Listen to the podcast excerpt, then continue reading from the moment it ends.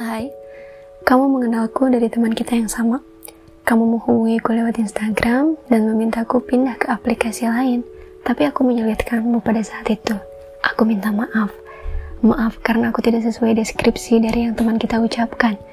Maaf, aku orangnya aneh, keras kepala, judes, dan tak berperasaan.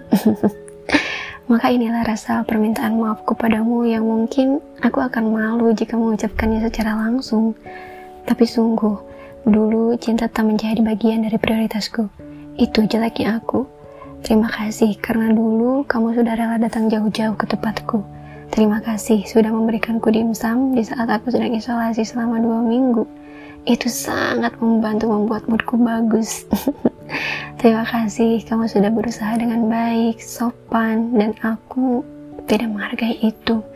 Aku minta maaf soal itu. Terima kasih kamu bahkan rela cuti di hari kerja karena aku memiliki libur di hari kerja.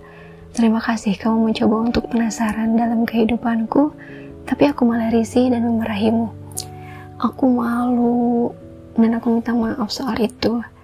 Kamu lelaki baik yang aku kenal. Aku bersyukur mengenal kamu. Tak ada kejelekan yang aku lihat. Dan mungkin aku akan menyesal sekarang. tapi aku mendoakan yang terbaik untukmu. Semoga segala niat baik kamu dipermudah, kebaikanmu bisa tersampaikan, dan mendapatkan keberkahan darinya.